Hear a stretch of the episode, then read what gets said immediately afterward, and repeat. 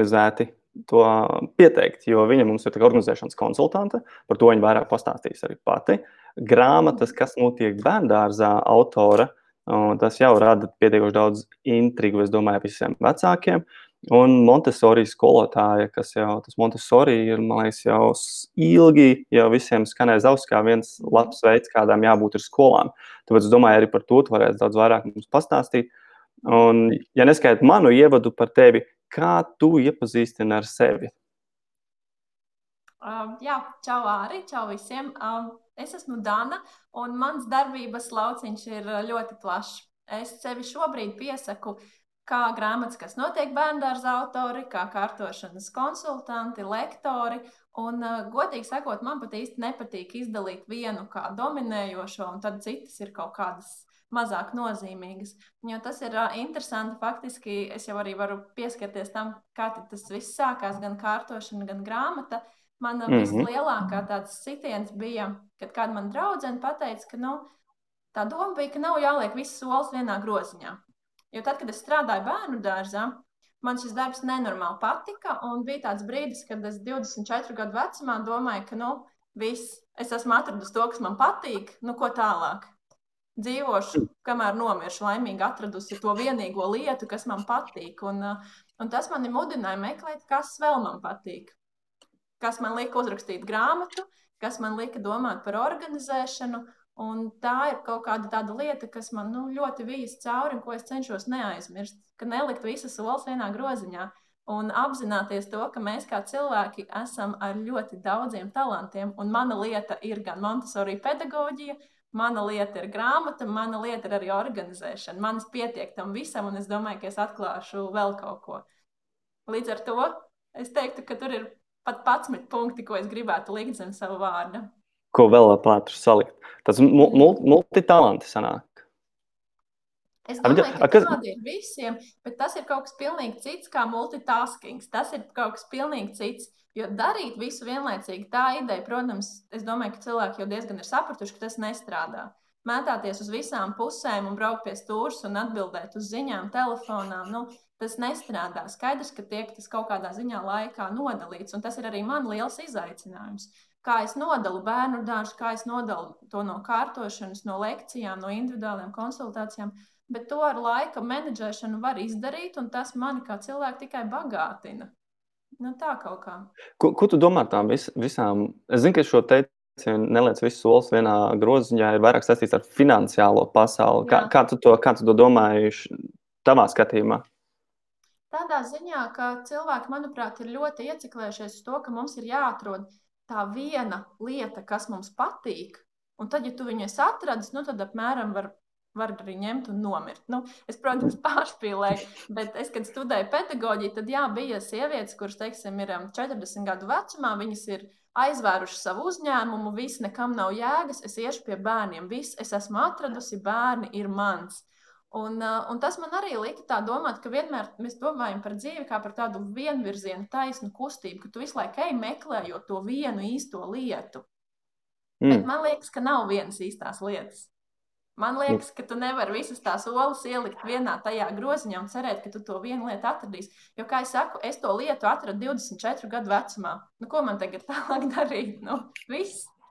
Tu vienkārši meklē jaunus ceļus, bet tas ir interesanti, ka tu saki arī par šo no finansiālās puses, nelikt visus solis vienā groziņā. Tas arī ir ļoti svarīgs faktors, kāpēc nelikt visus solis vienā groziņā.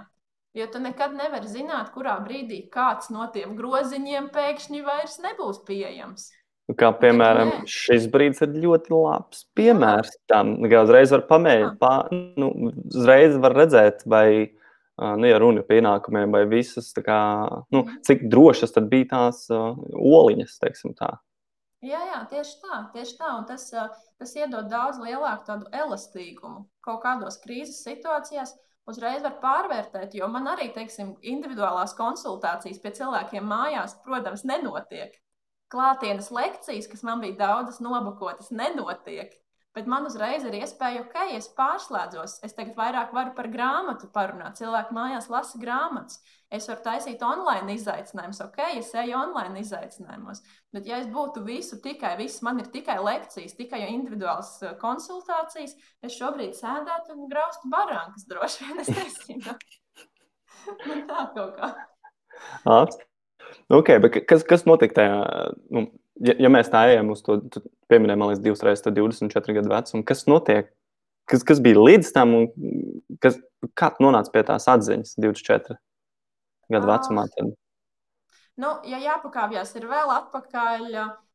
No vidusskolas es zināju, ka man ir jādara kaut kas ar tādu baigo jēgu ka man ir jādara tāds, kas atstāja tādu nu, rīktīgu nospiedumu pasaulē, sabiedrībā, ka es, tas, ko es daru, ka tam ir pievienot vērtību. Ne tikai nauda, ne tikai man patīk, bet ka tam ir arī jēga. Man bija doma, ka es mācīšos ārstos. Kaut kas galvā sagriezās, un es aizgāju uz biologiju. Man ļoti patīk, man ir bakalaura grāds bioloģijā. Izstrādāju pētījumu, tā aizemē ļoti labu foršu pētījumu. Un, tā arī ir joprojām lieta, kas man nenormāli patīk. Es vispār neizslēdzu, ka kaut kad dzīvē es atgriezīšos bioloģijas lauciņā. Un, tad, no, pabeidzot bioloģijas studijas, sapratu, ok, man vajag kaut ko vēl, un es nonācu pie bērniem. Man pašai tad vēl bērnu nebija, bet es sāku strādāt bērnu dārzā, un es sapratu, ka šī ir vieta, kur rakt. Ja tu gribi mm. izmainīt sabiedrību, tad ej pie bērniem dod bērniem, ko tu vari izglītot bērnus, iedod viņos pašapziņu, paša, pašvērtību un tā tālāk. Nu, es pieļauju, tev arī strādājot ar pieaugušiem cilvēkiem, bieži vien tas kāpjas atpakaļ, kas tad ir noticis bērnībā. Mm. Mm, Citreiz atbildi tur noteikti var atrast, jā. Jā, jā, tieši tā. Un tāpēc man viss tā, tā pedagoģija, īpaši Montesori pedagoģija, nu, ievilka tik ļoti iekšā, ka man likās, ir, šis ir, šis ir rīktīgi labi. Man te patīk. Man patīk gan tā ikdiena, Es tajā brīdī par naudu, godīgi sakot, vispār nedomāju, jo tas nav noslēpums, tā nav pelnošākā nozara. Bet nu, viss, viss, viss, bija, viss bija ok. Es biju sev mhm. galvā pateikusi, ka tas ir misijas darbs, man nenormāli patīk, un viss ir forši. Un, sarot, un tad tu tā dzīvo, dzīvo, un tiešām, kā es trešo reizi saku, es skaidri atceros, tie 24 gadi, ka es sēžu un es domāju, nu, viss, es esmu atradusi savu sapņu darbu ko, ko man tagad uh, tālāk hm. darīt. Un tad, tad es, uh, mēs sadarinājāmies, apprecējāmies, man piedzima bērns, kas, protams, visas tās filozofiskās domas iepauzēja. Un, uh, un tad, protams, kad jā, līdzīgi kā daudzas sievietes, esot dekrētā, tu sāc vēlreiz tīt to filmu, ko tu gribi darīt ar savu dzīvi. Un, un, tad, jā, un tad es sapratu, ka labi, es joprojām esmu bērngārzā, kā es varu izspiest maksimālo no tās pieredzes, kas man ir. Tā arī ir sajūta un hmm. tāda atziņa, ko es cenšos pielietot. Tad, kad kaut kas liekas apnicis, vai kaut kas liekas, ka ir sasniegti griezti, vai ka ir jāiet projām, pirms tu dedzini tiltus, pirms tu pagriez muguru visam, ko es izdarīju, tu vēl pajautā sev, vai tu tiešām esi izdarījis visu, ko vari. Un sapnis par grāmatu man iekšā sēdēja, un es domāju, ka okay, Latvijā tādas grāmatas nav. Hmm. Kāpēc lai tā nebūtu es, kas to izdara? Un es braucu, intervēju audzinātāju, es rakstīju, meklēju izdevniecību un, nu, jā, un, un izdarīju. Es izdarīju to, ko es gribēju saistībā ar bērnu dārzu. Man bija pilnīgi tīra sirdsapziņa iet un izmēģināt savus spēkus citā nozarē. Ja es nebūtu grāmatu uzrakstījusi, man droši vien iekšā būtu palicis kaut kāds tāds, nu, vai tiešām, vai vajadzēja, vai tas bija viss. Tā, tā grāmata vēl būtu iekšā tur. Nu, tā jā, grāmata jā, jā. būtu iekšā. vēl gribētu izpausmu. Tas, es tādu klausos, tāds jēgpilns meklējums tev ir bijis visu laiku. Ja vienā brīdī tu viņu priekš sevis aktivizē, ja viņi tev kāds kā, mantojumā iedeva, ja, kur tu nokļuvi pie tā jēgpilnā. Uh... Es, es domāju, ka man viņš ir vienmēr bijis iekšā. Es nevaru atcerēties tādu brīdi, kad būtu tā ieslēdzies. Nu, tādas skaidrākās atmiņas man ir par varbūt vidusskolas laikiem, teiksim, 15, 16 gadi. Un tad es zinu, ka jau tad man bija, ka nu, viss ar, ar karogu ir jāmaina pasaule. Okay, tas ir ļoti raksturīgi visiem 15 gadniekiem. Bet man tiešām bija tā sajūta, ka nu, ko es sabiedrībā varu ietekmēt. Mm. Nu, tā sajūta, ka pasaule pēc manis paliks citādāka, paliks labāka. Nevis es vienkārši nokāpšu savas stundas, dabūšu savu mm -hmm. naudu, iztērēšu rīmī kasē un aiziešu gulēt. Nu, man liekas, nu nē, tas tā nebūs. Pārāk vienkārši. nu, pārāk vienkārši, jā, pārāk jā. potenciāli nerealizējoši. Man hmm. liekas, hmm. mums ir tik daudz iespēju. Tas arī ir interesanti, ka nu, es neesmu saskārusies ar Latviju kā ar sliktu vietu vai sliktu vietu, kur taisīt biznesu, darīt biznesu. Es esmu saskārusies daudz vairāk ar to, ka mums ir tik daudz jomu, kuras vēl nav atvērtas, kuras vēl nav pārstāvētas. Un jebkas, ko es daru, vai tā būtu grāmata vai kārtošana, vienalga Amerikā, Lielbritānijā, Francijā, man uzreiz būtu 300 cilvēku konkurence. Tas ir pilnīgi cits, nu, cita, cita vide. Mm -hmm. Līdz ar to es arī nu, redzu, ka es esmu ļoti priecīga, ka es esmu šeit, kur es esmu. Un, uh, man mm -hmm. liekas, viss notiek. Jā, jo tu paņēmi uz labu nišu šo angļuiski tas declutterings, latviešu tas sanāk organizēšana, kārtošana, jeb uh, nu, atme, atmeslošanās. Jā, nu, decluttering, ko tu saki, tā ir daļa no organizēšanas. Jā. Tā ir atbrīvošanās no krāmiem. Tā ir ļoti svarīga daļa, bet tā ir tikai daļa. Tas, mm -hmm. ko es mācu, ir ne tikai kā atbrīvoties, bet kā tad pēc tam organizēt atpakaļ arī to, ko tu esi izvēlējies paturēt kā sev vērtību. Mm. Līdz ar to tur ir vienmēr tās vairākas, vairākas puses un vairāki soļi. Un tā organizēšana arī kā niša, man liekas, tieši tāpat kā es iegrimu iekšā bērnu dārzā, tieši tāpat es iegrimu šeit. Un es zinu, ka cilvēkam no malas var likties, nu, tu strādā bērnu dārzā, tur māci burtiņus, palīdz iet pačurāt un tā tālāk. Nu, nu un. Tieši mm -hmm. tāpat kā par kārtošanu var likties, nu, ko tur drēbes palīdz locīt, palīdz sašķirot traukus. Es to redzu pilnīgi citādi. Mm. Es to redzu tā, ka uh, cilvēks caur mantām tiek galā ar to, kas viņam notiek galvā. Ka mēs caur priekšmetiem varam sevi dziedināt, mēs varam par sevi kaut ko saprast, mēs varam uh, kļūt produktīvāki, kļūt laimīgāki, mēs varam novērtēt to, kas mums ir. Un to var izdarīt caur tik elementāru lietu, kā, nezinu, skāpju sakārtošanu, izšķirot mm -hmm. krūzītes. Un tā arī ir tāda, nu, es gribētu teikt, mana, uh, mana iezīme, kas varbūt mani atšķir no citiem kārtošanas uh, organizatoriem, kas arī pasaulē daudz ir, ka es ļoti eju iekšā tajā dziļumā. Mm -hmm. Tas nav tikai tāds, meklēt, to... kāpēc mums tās lietas vēl ir, jeb kā, kā to raksturot, to dziļumu. To dziļumu raksturot tādā ziņā, ka es cilvēkiem vienmēr uzsveru, ka mērķis, uz ko mēs ejam, un galvenais efekts ir nevis smuka bildīte, ko tu nofotografē un ieliec Instagram, bet mērķis ir, kas tev iekšā mainās. Priekš kam mm -hmm. tu to dari? Tu to dari tāpēc, ka tas ir stilīgi, tāpēc, ka tevi kāds zāģē, vai tāpēc, ka tu gribi ar kaut ko tikt sevī galā. Jo organizēšana un kārtošana tā ir tāda pateicīga nozara tieši tā no tā bildīšu viedokļa. Un to es saviem klientiem saku, neskatieties tās bildītes.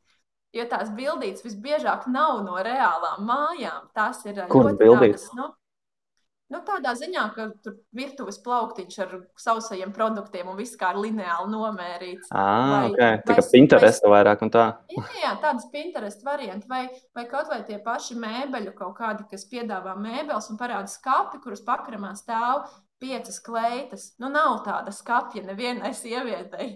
Pārsvarā tur viss ir pilns, tur ir žaketes, tur ir ziemas mētelis. Tāpat tās atvilktnes, jā, tu vari ielikt divus džemperus un izskatīsies skaisti. Bet ko darīt, ja tev ir 15 džemperi? Kā tad viņus organizēt? Un tāpēc es saviem klientiem, gan lekcijās, gan, gan, gan klātienē, vienmēr saku, fotografējiet pirms un pēc. Tas ir vienīgais salīdzinājums, kas jums ir vajadzīgs. Hmm. Okay. Es klausās, nu, ja tie, kas klausās jau tagad, ja iedrošināt, Jā. ja būsiet motivēti sakārtot arī savus skāpjus, mājas un trauksmes pārējās stilīgi, tā kā kaut kāds rikošeta ķēdes reakcija būs aizgājusi šodien. Nē, nu tas, tas ir viss foršākais, ka es saņemu vēstules gan Danāra kastī, Facebookā, gan Instagramā, ka cilvēki, pat kuri varbūt nav tieši ar mani satikušies, bet viņi saka, kaut kas ir noticis. Es vienkārši dzirdu tavu balsi un es eju kārtot. Tas ir smieklīgi, bet man ir vairākas sievietes teikušas, ka viņas eh, manus ierakstus liek austiņās. Mm -hmm. Vienkārši klausās manu balsi, un viņām gribas kārtot. Wow. Nu, ir veidojusies jau tā kaut kāda neironu ķēdīte, ja, kad mana balss tiek asociēta ar kārtošanu. Man liekas, nenormāli forši. Jo kas ir, eh, kas ir lielākie ieguvumi no tādas sakārtošanas? Viņi, protams, ir ļoti daudz bet bez izņēmuma mainās attieksme pret priekšmetiem un pret iepirkšanos. Mm. Pilnīgi tas paliek kā pīlai ūdens. Tu ej garām tām atlaidēm, un tu saproti, nu, Nu, un man nevajag. Mm -hmm. Jo tas, kas ar mums patiesībā notiek, nu, tā lielākoties mēs dzīvojam zem tādas šausmīgas, spēcīga miljardu industrijas vērta spiediena. Visu mm. -hmm. laiku pirkt, vēl to, vēl to. Tikai tad tu būsi laimīgs, tikai tad tu būsi skaists, tikai tad tev viss pietiks. Un kārtošana faktiski ir tāda universāla atbilde, kas to ķēdi vienkārši pārcērt, nežēlīgi pārcērt un pasaka, nomierinies. Tev Jā. mantas laimi nedos. Jā, pietiek apkrauties, jau kā. Tas tikai nodoms un jēga mainās tam visam. Tas ir interesanti, ka tā organizēšana no vienas puses tik ļoti koncentrējas uz priekšmetiem, bet no otras puses, jo vairāk tu kārto, jo tev tie priekšmeti paliek kaut kādā ziņā vienaldzīgāki. Mm -hmm. Tu saproti, ka tur neslēpjas tā, nu, tā dzīves garša un tā, Jā. tā sāls. Ko tu saki tiem, tiem kuri nu, gan arī ar asarām laiž lietas vaļā? Jo nu, katrs jau noteikti saprot, ka kādā brīdī kaut kas jāmet ir noteikti laukā, un, un vienkārši ka redz, ka tas cilvēks tik ļoti nu, identificējās vai pieķēries kaut kam, un, un Mhm. saprot, ka nu, no viņa tikai var no tās tā kā maikas, kura tur jau sen nav vilkta, viņa tur ar pleķi stāv varbūt kaut kādā plauktā, un, un, un tikai, nē, nē, Mhm. kādreiz es viņu vilkšu, zini kā. Un, Jā.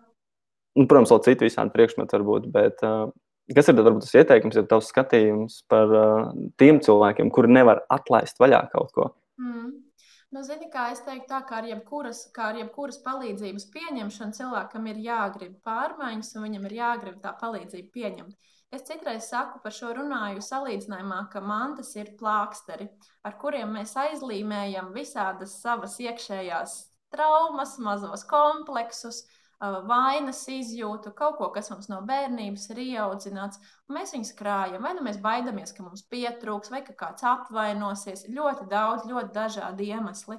Un uh, cilvēks ir noklāts ar tiem plāksteriem. Un tad, ja cilvēks pie manis atnāk, viņš saka, man ir noriebies, es esmu noguris, raujam viņus nost, Mm tad -hmm. mēs viņus noraujam un tās brūces dzīst perfekti. Savukārt, ja cilvēkam nesagatavotam pieiet un to visu norauj nost, mēs varam problēmas uztaisīt tikai vēl dziļākas. Un tas, redzat, šis jautājums, ko tu saki, tādi cilvēki pie manis nevēršas. Biežāk ir tā, ka vērš cilvēki, kur saka, mans vīrs ir tāds, vai Mhm. mana mamma ir tāda. Man Mhm. besīk, ka mana mamma tur laukos visu krāju un neko nemet ārā, vai tu nevari atbraukt un viņu pāraudzināt? Jā, jā. Es saku, piedod, es nevaru. Mēs varam iebraukt tikai vēl lielākās auzās. Tur arī, protams, ir. ir ā, nu, Tur tikai intervencija jātaisa tādos gadījumos. Ir, jā. Kas jātaisa? Jau tikai, kas saucas interventions, jeb intervencija, kur sanāk kopā tie tuvākie radinieki, man liekas, sasēžās aplī. Mēs viņu mīlam, bet kā no, šīs, kā, no šī visa ir ā, jātiek vaļā. Vai es nezinu, ko- Nu, zini, es tev izstāstīšu tādu skarbu piemēru, kā izdarīja mana ā, draudzene ar savu māsu. Viņām vecāki jau ir pie 70 gadi, un viņi savā lauku mājās vecāki tiešām arī paši jutās nelaimīgi. Tas ir pirmais jautājums, vai tev pašam ir apnicis tas tā nekārtība un tas bardaks. Un vecāki teica, ka jā, ir. Un tās abas māsas nosēdināja vecākus un ļoti sirsnīgi tieši tā kā tu saki, mēs jūs ļoti mīlam. Bet jums jāsaprot, ka tad, kad jūs nomirsiet, mēs tāpat to visu izmetīsim. Mm. Man tas teikums var likties tik nežēlīgs, bet tajā kontekstā tas tiešām tika pateikts ar mīlestību, un tas bija tas, kas vecākiem bija jādzird. To es reizēm savā lekcijās stāstu, tad, ja ir cilvēki ar atvērtu prātu, ka mums ir jāpadomā, kas ar tām lietām notiks, kad mūsu šeit vairs nebūs. Jo Mhm. mēs jau, protams, dzīvojam, mūsu psihe strādā tā, it kā mēs būtu mūžīgi. Bet Mhm. mēs visi kaut kad aiziesim, un kurš tad tiks galā ar tām mūsu mantām? Un ik viens, kuram ir bijusi tā nu, nepatīkamā pieredze, izvākt dzīvokli, kad ir vecmāmiņa nomirusi vai, vai kāds radinieks aizgājis, ka tev ir jāiet cauri tām, tām gultas veļām, tiem traukiem, kur viņus likt. Vairumā gadījumā viņus vienkārši izlidina ārā. Tas nozīmē, mm. ka atliekot visu laiku to organizēšanas sāpīgo procesu, tas jau nekur nepazudīs. To vienkārši izdarīs kāds cits, nevis tu, un visticamāk, tavi mīļākie, tuvākie cilvēki. Tā kā mm. tas arī ir jautājums, kas var nu, palīdzēt vienkārši izvērtēt, ko es novēlu tiem saviem bērniem vai mazbērniem. Vai es Tas gribu, tādā citās tur- perspektīvās ir. Un uh, mums ir pienācis brīdis, arī pusseši, lejā es laiku Jā. votēju, ja iespēja. Ja jums ir komentāri vai jautājumi sākumā mums par tēmu, kas ir kā kārtošana, jeb organizēšana, jeb Jā. kā tikt vaļā, ja jums ir kaut kāda pieredze vai kaitis kaut ko tādu darot, varat droši arī ierakstīt komentārā, un mēs uh, drīzāk Dāna pakomentēs arī to un papildinās varbūt kaut kādiem arī ieteikumiem, jautājumiem, vismaz savu pieredzi un skatījumu par to. Tagad, tagad ir laiks, kad varētu uzdot arī jautājumus. Uh mhm. -huh. um, jā. Varbūt tev ir kāds jautājums priekš tiem, kur klausās. Es skatos, ka mums ir ap 20 cilvēki tagad paralēli arī skatās virsū. Oh, nē, tu zini, kā es, es tā jautājumu laikam neuzdotu, jo zinu, ka katram, katram ir kaut kādi citi iemesli. Un faktiski tie jautājumi, kurus es parasti dzirdu, um, ir vai nu tādi, kā man sākt, Vai, kā jau mm -hmm. teicu, kā man pāraudzināt to kaut kādu citu. Nu, kā uz otrā tipa jautājumiem, tos, godīgi sakot, var pat nerakstīt. Man atbilde būs ļoti skaidra. Jums ir jāgaida, ka tas cilvēks pats kaut ko gribēs. Mm -hmm. Tas mm -hmm. ir kaut kas, kas mums visiem sāp. Palielam ne tikai par kārtošanu. Mums jau gribās visus citus sev apkārt pāraudzināt un, uh, un tikai tad ķerties kaut kā pie sevis. Un kārtošana faktiski ļoti skaidri parāda, ka mēs vienmēr sākam ar sevi. Vienalga, ko tu dzīvē dari, tā skaitā kārtošanu, tu sāc tikai ar sevi, tikai ar to, kas tev pieder. Tā kā tie, kuri varbūt skatās un grib kārtošanu sākt, es noteikti aicinu piesakot saviem profiliem Dana ar kasti, bet idejiski jā. Jā, formula, kā, kā sākt kārtošanu, ir saprast, kas man pieder, konkrēti man, kādas kategorijas pieder tikai man. Drēbes, rotas lietas, kosmētika – Un tās ir lietas, ar ko sākt. Pat ja nenormāli kaitina, vienalga vīra drēbes, bērna mantas, vēl kaut kas, vienmēr, vienmēr tikai ar uh, sevi sākt. Nu, tā. Varbūt tev ir tādi pāris um, skatījumi par šo jautājumu, ko es pats vienkārši.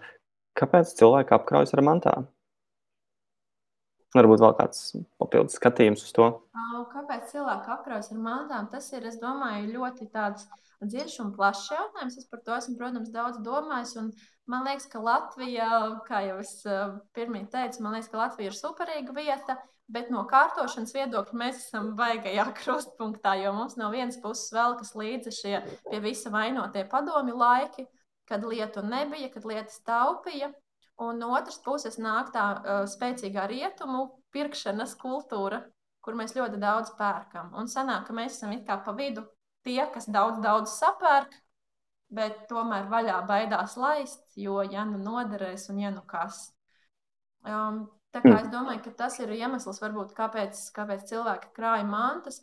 Man gan godīgi sakot, jāsaka, ka uh, Latvijā es teiktu, ka vidēji cilvēki ir diezgan prātīgi un mēs diezgan daudz domājam līdzi, ko mm -hmm. mēs pērkam un ko mēs darām. Nu, tā, ja paskatās, kas notiek tajā pašā Amerikas Savienotajās valstīs tur pirkšanas kultūra ir vēl daudz izteiktāka. Cilvēki īrē konteinerus, ir pilni bērniņi, pilni pagrabi. Nu, tas, protams, ir jau cits organizēšanas līmenis. Marija Konto, mm. Japāņu grāmatas autora, kas ir arī mani iedvesmojis, viņš šobrīd ir pārākusies uz dzīvi Amerikā, es domāju, viņai tur darbu pietiks līdz mūža galam, un, un droši vien vēl drusciņi. Jo, nu, mm, jā, tā kā, bet jā, runājot vēl par iemesliem, ir vesela milzīga grupa, kas ir tā saucamās sentimentālās lietas.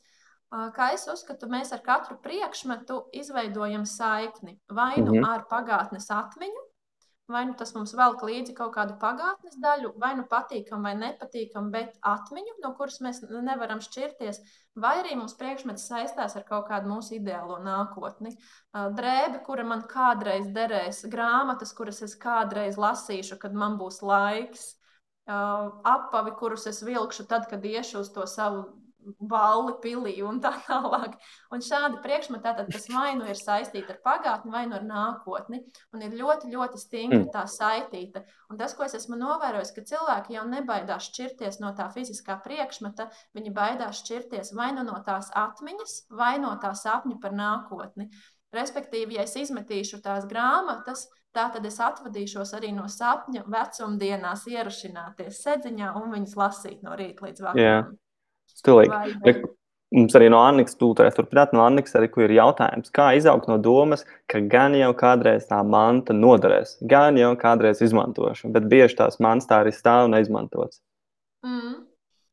Um, atkal tas pats, jā, vai, vai, tu esi tam, vai tu esi gatavs no tās lietas vispār šķirties vaļā, jo, ja tu neesi gatavs, tad tā doma viņa tāpat iekšā sēdēs, un tu iespējams to plāksteri noraus un to mantu izmetīs, bet tev kaut kas iekšā gruzdēs un sāpēs. Mani klienti, kuri tam ir gatavi, viņi vienkārši saņems izmetumu, viņi nekad par to lietu vairs neiedomājas. Tu vienkārši pamosties un esi brīvs. Un, um, tāpēc es ļoti daudz dalos arī savos kontos ar tādiem pieredzes stāstiem, kas arī cilvēkiem palīdz. Nu, tu saproti, ka okay, mums visiem mājās ir rīktīgi daudz drēbju, bet tie cilvēki tik vaļā un viņi jūtas priecīgi. Tā tad arī es droši vien jutīšos priecīgi. Nu, tas kaut kā noteikti var palīdzēt to sajūtu mazināt. Un vēl kas var palīdzēt, es vienmēr iesaku par to skatīties tādā plašākā vienādojumā. Respektīvi, es pēc pieciem gadiem uzvilkšu kaut kādas kurpes. Mm -hmm. Un es pēc pieciem gadiem viņas uzvilkšu, un es jutīšos priecīgi. Redz, labi, ka neizmetu, jo es jau domāju, ja nu man kaut kad noderēs. Un tad var likties, nu jā, tu taupīji, to pēc pieciem gadiem uzvelc, tu esi priecīgs. Bet vienādojumā ir jāliek iekšā arī pieci gadi, ko tu esi dzīvojis mājās ar priekšmetiem, kas netiek izmantoti. Mm -hmm. Jo mhm. mēs par priekšmetiem maksājam ne tikai ar naudu, bet arī ar telpu savā mājās, mm -hmm. ar mhm. vidi, kurā mēs dzīvojam. Un vai tie pieci gadi dzīvojot blakus kurpēm, kuras tu nevelc, kur vesela kasta aizņem vietu, ir tā vērts? Protams, te var likties, nu jā, tā jau ir tikai viena kaste bet tā ir viena kaste kurpju, piecas grāmatas, divas kleitas, un beigās tu saproti, ka puse priekšmetu, kas ir manā dzīvoklī vai mājā, vienkārši gaida kaut kad. Un tad, mm ja mhm. tu ieliec to tajā vienādojumā, tad arī citreiz paliek drusciņi vieglāk saprast, jā, tas būs patīkami pēc pieciem gadiem, varbūt viņas uzvilkt, bet vai tas būs tik patīkami, lai kompensētu tos gadus? Jā, Šeit kaut, tas, tas ļoti labs. Tagad, ja mēs īri maksātu par kubikmetriem, iespējams, mēs apdomātu vairāk to nu, kā, telpu, kā telpu, ne tikai zemi, pa kuru mēs ejam. Bet reku, no ievas arī interesants ir ne jautājums, bet pieredze. Dzīvojot mājās, ļoti ātri sakrājas netīrie trauki. Vakar uzsākām jaunu lietu. Virtuvē atstāt katram tikai vienu bļodiņu, vienu šķīvīti, vienu nazīti, vienu dakšiņu un tam līdzīgi. Pagaidām liekas, ka strādā. Smaidniņš. ja, ja prom no acīm, vieglāk dzīvot ar mazāk mantām. Mm. Ir, ir varbūt tev zinām, kur var sākt piekopt kaut ko tādu. Ir, man liekas, tas trauku mazgāšana viena no tādām lielākām problēmām. Bet tas šis neiet tikai organizēšanas lietā, ja iet. Uh, nu, tāda, tāda tīrīšanas jautājuma, tas gluži nav, nav mans lauciņš, bet uh, paliek māju vieglāk tīrīt, kad to es saglabāju tikai to, kas tev patīk. Tas ir neizbēgami. Tas strādā uz mums kaut vai tīri emocionāli, ka mazgāt traukus, kuri tev nenormāli patīk, ir patīkamāk nekā tādas, kuri tev nevisai patīk. Tas var likties mm. pat tā, nu, diezin vai, bet tas godvārds dzīvē tieši tā arī strādā. Un redzi, kas ir interesanti, jo mums ir mazāk priekšmetu, tāpat kā raksta Ieva, jo mēs vairāk rūpējamies par tiem priekšmetiem, jo mēs mm -hmm. viņiem mm -hmm. iedodam tādu lielāku godu un cieņu. Ja tev mājās ir viena zeķu bikses, tu tās zeķu bikses pēc katras lietošanas smuki salocīs un noliks vietā, nevis kaut kur nometīs, jo tu zini, ka tev pa māju mētājas vēl daudz. Un tas ir interesanti par kanceleju īpaši, ka to cilvēku saka, Kāpēc tev mājās ir desmit dzēržkumijas? Tāpēc, ka man viņas vienmēr pazūd. Un es saku, teikums ir pretējs. Tev viņas vienmēr pazūd, tāpēc, ka tev viņas ir desmit. Mm -hmm. Tāpēc, ka pieejams daudz. Jā, tāpēc, ka tad, ja tev ir viena, tu vienmēr skaidri zini, kur tev mājās stāv dzēržgumija, mm -hmm. kur tev mājās stāv bļodiņas. Tas jau tā kā, ja viens netīrs trauks izlietnē ir, tad jau gan jau var pielikt vēl vienu blakus līdz beigās tad pilna izlietiņa jau ir sakrājusies, un kāds uz, uzupurējās. Šis kaut kā līdzīgi, ka parasti ir, nu, arī kad vada lekcijas, kad uh, prasa, vai kādam ir jautājumi, un beigās, nu, vai kādam ir atbildi, vienmēr atbild tas, kurš neiztur to diskomfortu, un viņš ir labi, labi, es atbildēšu. Un šis kaut kā līdzīgi, jā, labi, es nomazgāšu tos traukus. Skatos, ka neviens vairāk nemazgās, tad es viņus nomazgāšu. Mm. Bet um, kādreiz man nepatīk mazgāt, bet kafejnīca savs... izaudzina to laukā. Jā. Jā. Nu, tas par tādām savstarpējām attiecībām runājot, man ļoti patīk kārtība, man patīk par kārtību runāt, bet es vienmēr, vienmēr saku, nekāda kārtība nav cilvēcisko attiecību vērta. Tas vispār nav iemesls, lai ar vīru strīdētos vai ar bērniem strīdētos. Uh, Mums ir tomēr katram iekšā diezgan definēta tā izpratne, kas ir kārtība, cik ātri tu pamani tos netīros traukus, mm -hmm. cik ātri tu pamani netīru grīdu. Un ideāli, ja ģimenē tas līmenis ir daudz maz viens, bet parasti jau tas tāds nav. Un tas mm. arī ir kaut kādā ziņā jāpieņem un jāsaprot abām pusēm, un abas puses var drusciņi to solīt, panākt pretī. Bet uh, strīdēties un bojāt attiecības dēļ kārtības, nā, tas nav tā vērts. Nav tas veselīgākais variants. Okay. Ja mēs tad pieķeramies, varbūt ne tik daudz pie kārtības, bet pilnīgi gandrīz cita tēma, bet tu noteikti vari atklāt veidu, kā tas pārklājās. Bet uh, par bērnu dārziem. Tev ir uh, tagad izdota grāmata. Kad, tev viņa izdota ir? Kas notiek bērnu dārzā? Grāmatu izdeva gandrīz pirms gada, pagājušā gada maijā. Ok, tad gads, tad ieskrējusies viņa vismaz ir tagad. Un uh, kā tu nonāci pie idejas? Un mhm. tu teici, ka tu intervijas taisīji, ievāc visādas mhm. pieredzes. Varbūt kā parunā var apstāstīt, kas tas ir, kā tu nonāci pie idejas, kā, kā tev, kā ir tagad gadu vēlāk. Ja? Mm -hmm. Um, grāmatas tapšanas stāsts sākās, uh, kā jau es teicu, iznāca no šīs domas, ko es varu maksimāli dabūt no tā, ka es strādāju bērngārzā, ka man ir šī pieredze. Plus mans mūžīgais dzinulis, kaut ko izdarīt labu sabiedrībai, kaut ko labu pasaulē. Un šāda grāmata latviešu valodā vienkārši nebija. Tādas nav. Uh, joprojām mana grāmata, kā tāds apkopojums, ir, ir, ir unikāla. Un, es par to, protams, esmu priecīga. Jo to es sapratu, ka vecākiem trūks tādu varbūt uzticamu, loģisku, vienkāršā valodā uzrakstītu, nu, gandrīz instrukciju, tādu vienkāršu stāstu, kas notiek bērnu dārzā. Jo, redz, tas ir interesanti, mēs atceramies kaut ko par saviem skolas gadiem, bet vairums pieaugušo bērnu dārzu atceras varbūt kā kaut kādas atsevišķas bildītes. Bieži vien tās bildītes ir negatīvas. Jo tu jau droši vien zini, kā mūsu prāts atceras negatīvo daudz labāk nekā pozitīvo. Jā, tomēr tendence vairāk atcerēties visu to ir. Jā, jā, jā, nu, jā. Un, līdz ar to es domāju, ka kāpēc ne, ja vecāki, jo es uzskatu tā, ja, jo mums ir vairāk zināšanu, jo mums ir mazāk baiļu, mazāk aizspriedumu, mazāk nepamatotu prasību gan pret bērniem, gan pret audzinātājiem. Nu, tā ir tā lielā, tā filozofiskā doma, ko es ar to gribēju izdarīt. Protams, es runāju arī par uh, to, ka izglītības sistēma kā tāda, atalgojums galvenokārt bērnu skaits grupās, tas ir uzlabojams. Un uh, to var uzlabot tikai tad, ja tam notic arī visa sabiedrība. Nevis tikai mhm. skolotājs iet kaut ko tur uh, lūdzu pielikumu, bet kad visa sabiedrība izlasa varbūt manu grāmatu un saka, evo, tiešām viņi dara tur baigi daudz. Audzinātājs strādā, viņas izdara to, vēl šito, vēl šito. Tas nav normāli, ka viņas mēnesī saņem tādu, piemēram, atalgojumu. Nu, mm. tā kā, ja par tādu sistēmas labošanu, tas arī šī grāmata ir mans pienesums, varbūt tādā izpratnē. Uh, nu jā, un tad uh, vienā dienā es vīram pateicu, es rakstīšu grāmatu. viņš, uh, viņš uz mani paskatījās, nosmaidīja, teica, labi, dari tā, es zinu, ka tu to arī izdarīsi. Un es sāku ar to, ka es uh, rakstīju grāmatas skeletu. Es vienkārši ir... pievienoju ātri vēl bildīt klāt cilvēkiem, lai viņi apsīties, kā viņi izstāsta dizainiski. Jā, uh, es, uh, es, es, es sāku tātad ar grāmatas skeletu un domāju vienkārši struktūrās, ko es gribu darīt, ko es gribu rakstīt.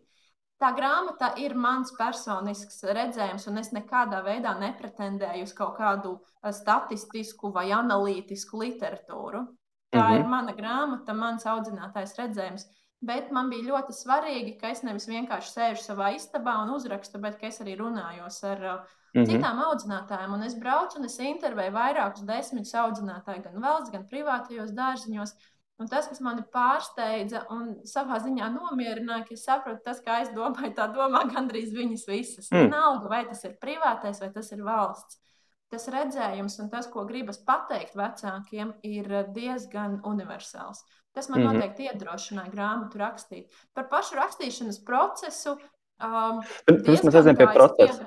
Pirms mēs aizējām pie tehniskā. Jā. Kas varbūt tev ir kaut kādi tie divi, trīs um, tie galvenie teici, kas tev, kā, ko jūs visi vienojāties, nu, tā kā bērnu audzinātāji. Kas tie, tie daži tie galvenie, tie, tie galvenie tie domgraudi, par ko jūs visi savā ziņā vienojāties, kas pārklājas. Pirms mēs aizējām uz tehniskākām pusēm. Nu, divas, trīs, vairāk nevajag, varbūt vienu. Jā. Um, pirmkārt, tas, ka diena bērnu dārzā bērnam ir darba diena. To uzsver visas audzinātājs un grib, lai sadzird visi vecāki. Bērns, kurš aiziet uz bērnu dārzu, viņš tur vienkārši nedzīvojas citos, uh, citā mājā. Tā viņam mm. ir darba diena ar visām no tā izrietošajām sekām, ar emocionālo spriedzi, ar nogurumu, ar vajadzību vienmēr būt savāktam, koncentrētam. Atcerēties, ka bērnam diena bērngārzā ir darba diena. Tas noteikti būtu viens. Uh, ko es vēl varētu teikt? Uh, Vēl es teiktu, tā, ka audzinātāju vidū ir diezgan liela sāpe par to, ka bērns tiek uzskatīts par pieskatīšanas vietu. Mm -hmm. Ka mēs uzskatām, ka skola jā, tā ir daļa no izglītības sistēmas, bet bērnu dārsts tā ir vieta, kur manu bērnu pieskata. Mm -hmm. Un, tas noteikti ir ļoti vienojoši visām audzinātājiem, kuras ļoti, viņas ļoti, visas audzinātājas, mēs visas ļoti cenšamies no šī šīs te etiķetes tikt vaļā un parādīt, ka īstenībā bērnu dārzā notiek izglītības process, tur, nu, tur ir mm -hmm. mācību priekšmeti, tur ir programmas, tur ir uzdevumi, tur ir mērķi. Jo tad, kad vecāks sāks uztvert bērnu dārzu kā izglītības vietu, mainās faktiski visa attieksme pret bērnu dārzu. Mm. Mainās tas, kā tu bērnu aizved, kā tu izturies pret lūgumiem vai norādījumiem no audzinātājas puses, kā mm. tu ar bērnu darbojies mājās. Ja tu to uzskati par pieskatīšanas vietu, tad jā, tu aizved, kamēr es eju, dzīvoju savu, savu dzīvi, bērns tur mm -hmm. kaut ko paspēlēs, un es viņu savācu. Tā kā mm -hmm. jā, es teiktu, ka tās ir divas lielākās lietas. Jā, tā kā tas sanāk, ja, ja to uz. Ja ja tagad sākt cilvēki daudz vairāk uzskatīt, ka uh, tā vieta ir izglītības iestāde, bet tas padarīt bērnam to vēl par struktūrētāku darba dienu, ja kaut kas būtu nu, tikai, būt, tikai uz pilnu slodzi aiziet? Es domāju, ka bērnu tas ietekmētu tikai netieši tādā izpratnē, ka tad, ja mēs mainām attieksmi pret bērnu dārzu, kā pret izglītības iestādi, pirmkārt ceļas pre profesijas prestižs, attiecīgi ceļas atalgojums, Tas nozīmē, ka arvien foršāks audzinātājs to darbu strādā, mm. kuras var to darīt arī un samaksāt rēķinus, nevis, nevis domāt, kā man tagad izdzīvot vispār. Tas pilnīgi maina darba tirgu, profesijas prestižu un atalgojums.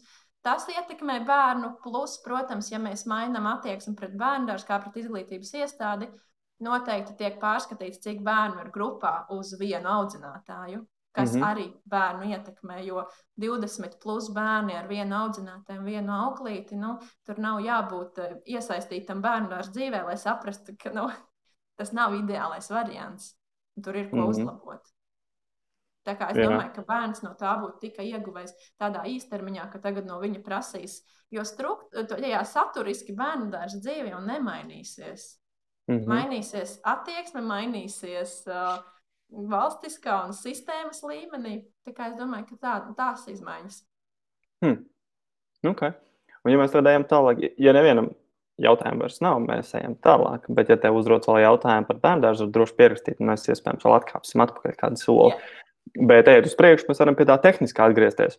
Uh -huh. uh, kā tev izdevās tad uzrakstīt? Kā, jo izklausās, ka tas tev gan vesels piedzīvojums ir bijis viņu sakombinēt un uzrakstīt kā tādu. Mm. Mm.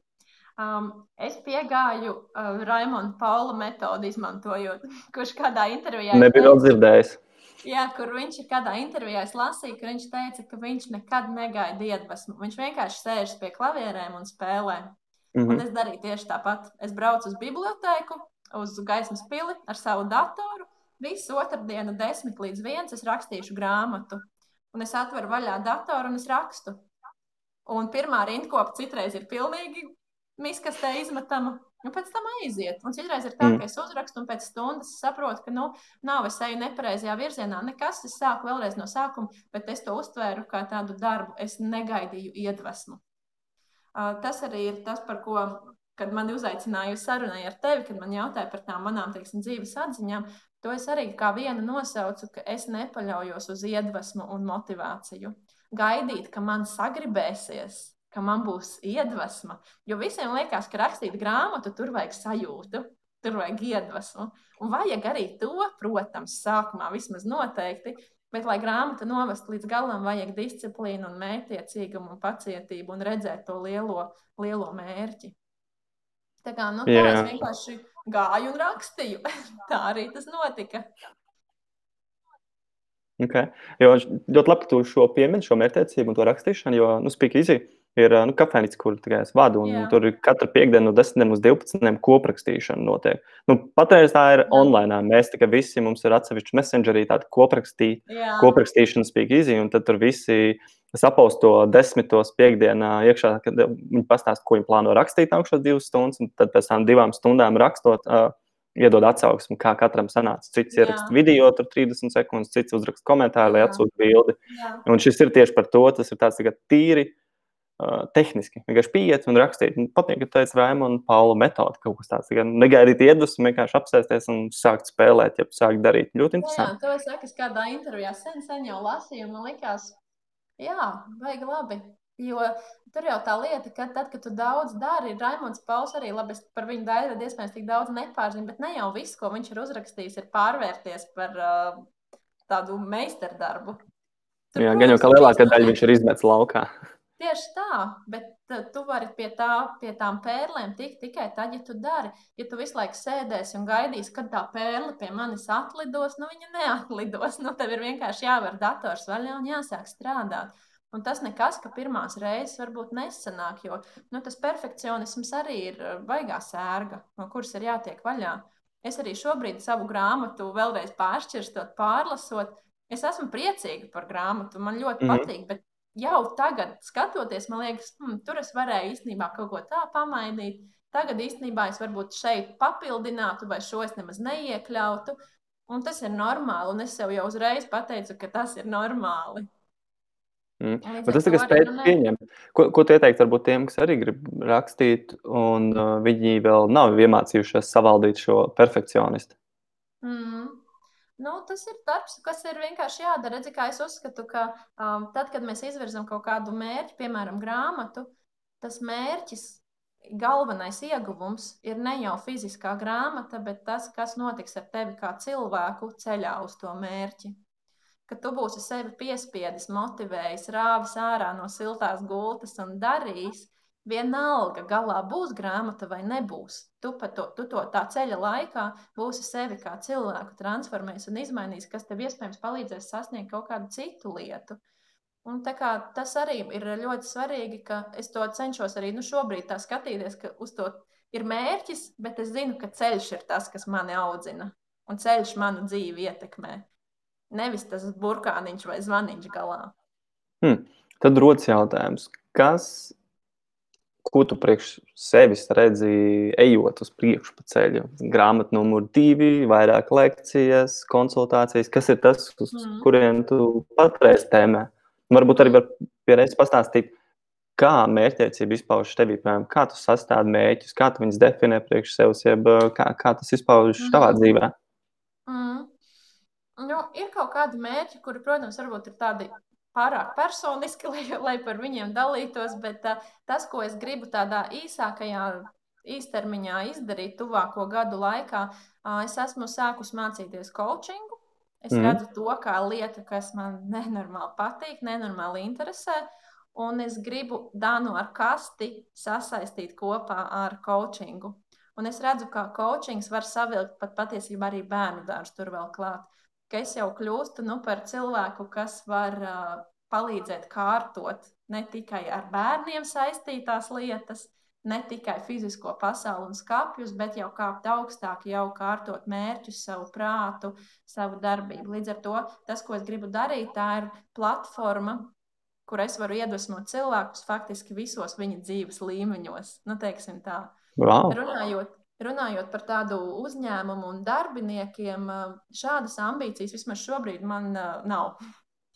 To es neredzu kā, kā kaut ko, ko man ļoti gribās, bet es domāju, ka tas organiski kaut kādā brīdī notiks. Es jau šobrīd redzu, ka ir kaut kādi darbiņi, kuros es saprotu, man ir lētāk samaksāt kādam, kas to izdara, nevis tērēt savu laiku. Jo es rēķinu līdzi, cik maksā mana stunda, kuras laikā es varu radīt kaut ko jaunu radīt kaut ko unikālu, un es netērēju savus resursus eh, kaut kādās atkārtojošās, primitīvās mm -hmm. darbībās.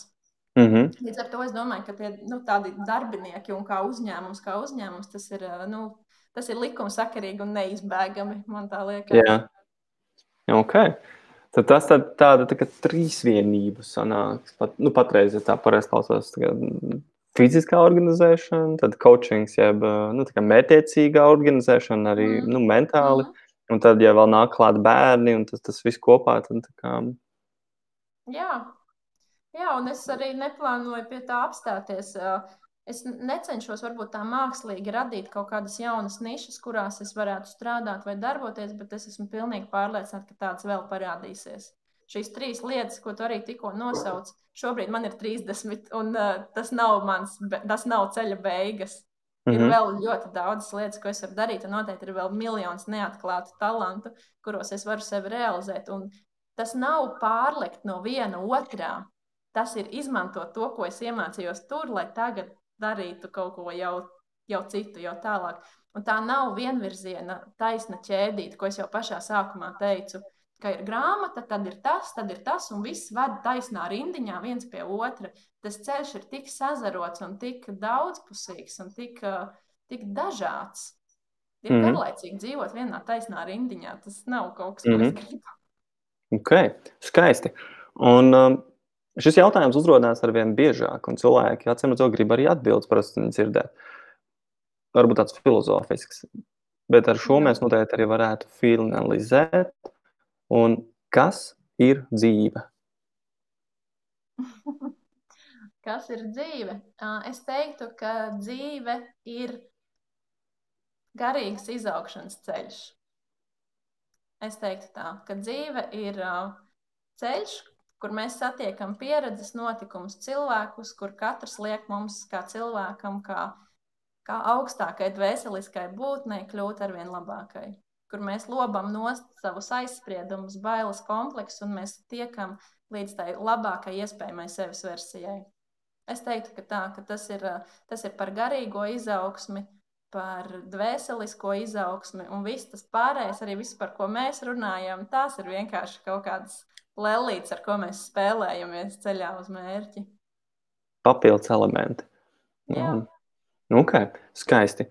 Um, cilvēkiem, kuri grib ar tevi sazināties, kā viņi tevi var atrast, un vai kaut kas, ko vēl, kas, ko vēl būtu vērts zināt, pirms mēs uh, atbrīvojam visus no laiva. Jā, es esmu atvērta vēstulēm, un sazināties ar mani var gan Facebook, es esmu Dana Gulbe. Ja interesē tieši par kārtošanu, tad Dana ar kasti. Tas ir mans skatuves vārds gan Instagram, gan Facebook.